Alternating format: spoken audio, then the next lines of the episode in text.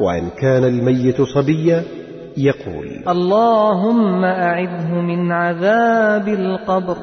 اللهم اجعله فرطا وسلفا وأجرا. اللهم اجعله في كفالة إبراهيم.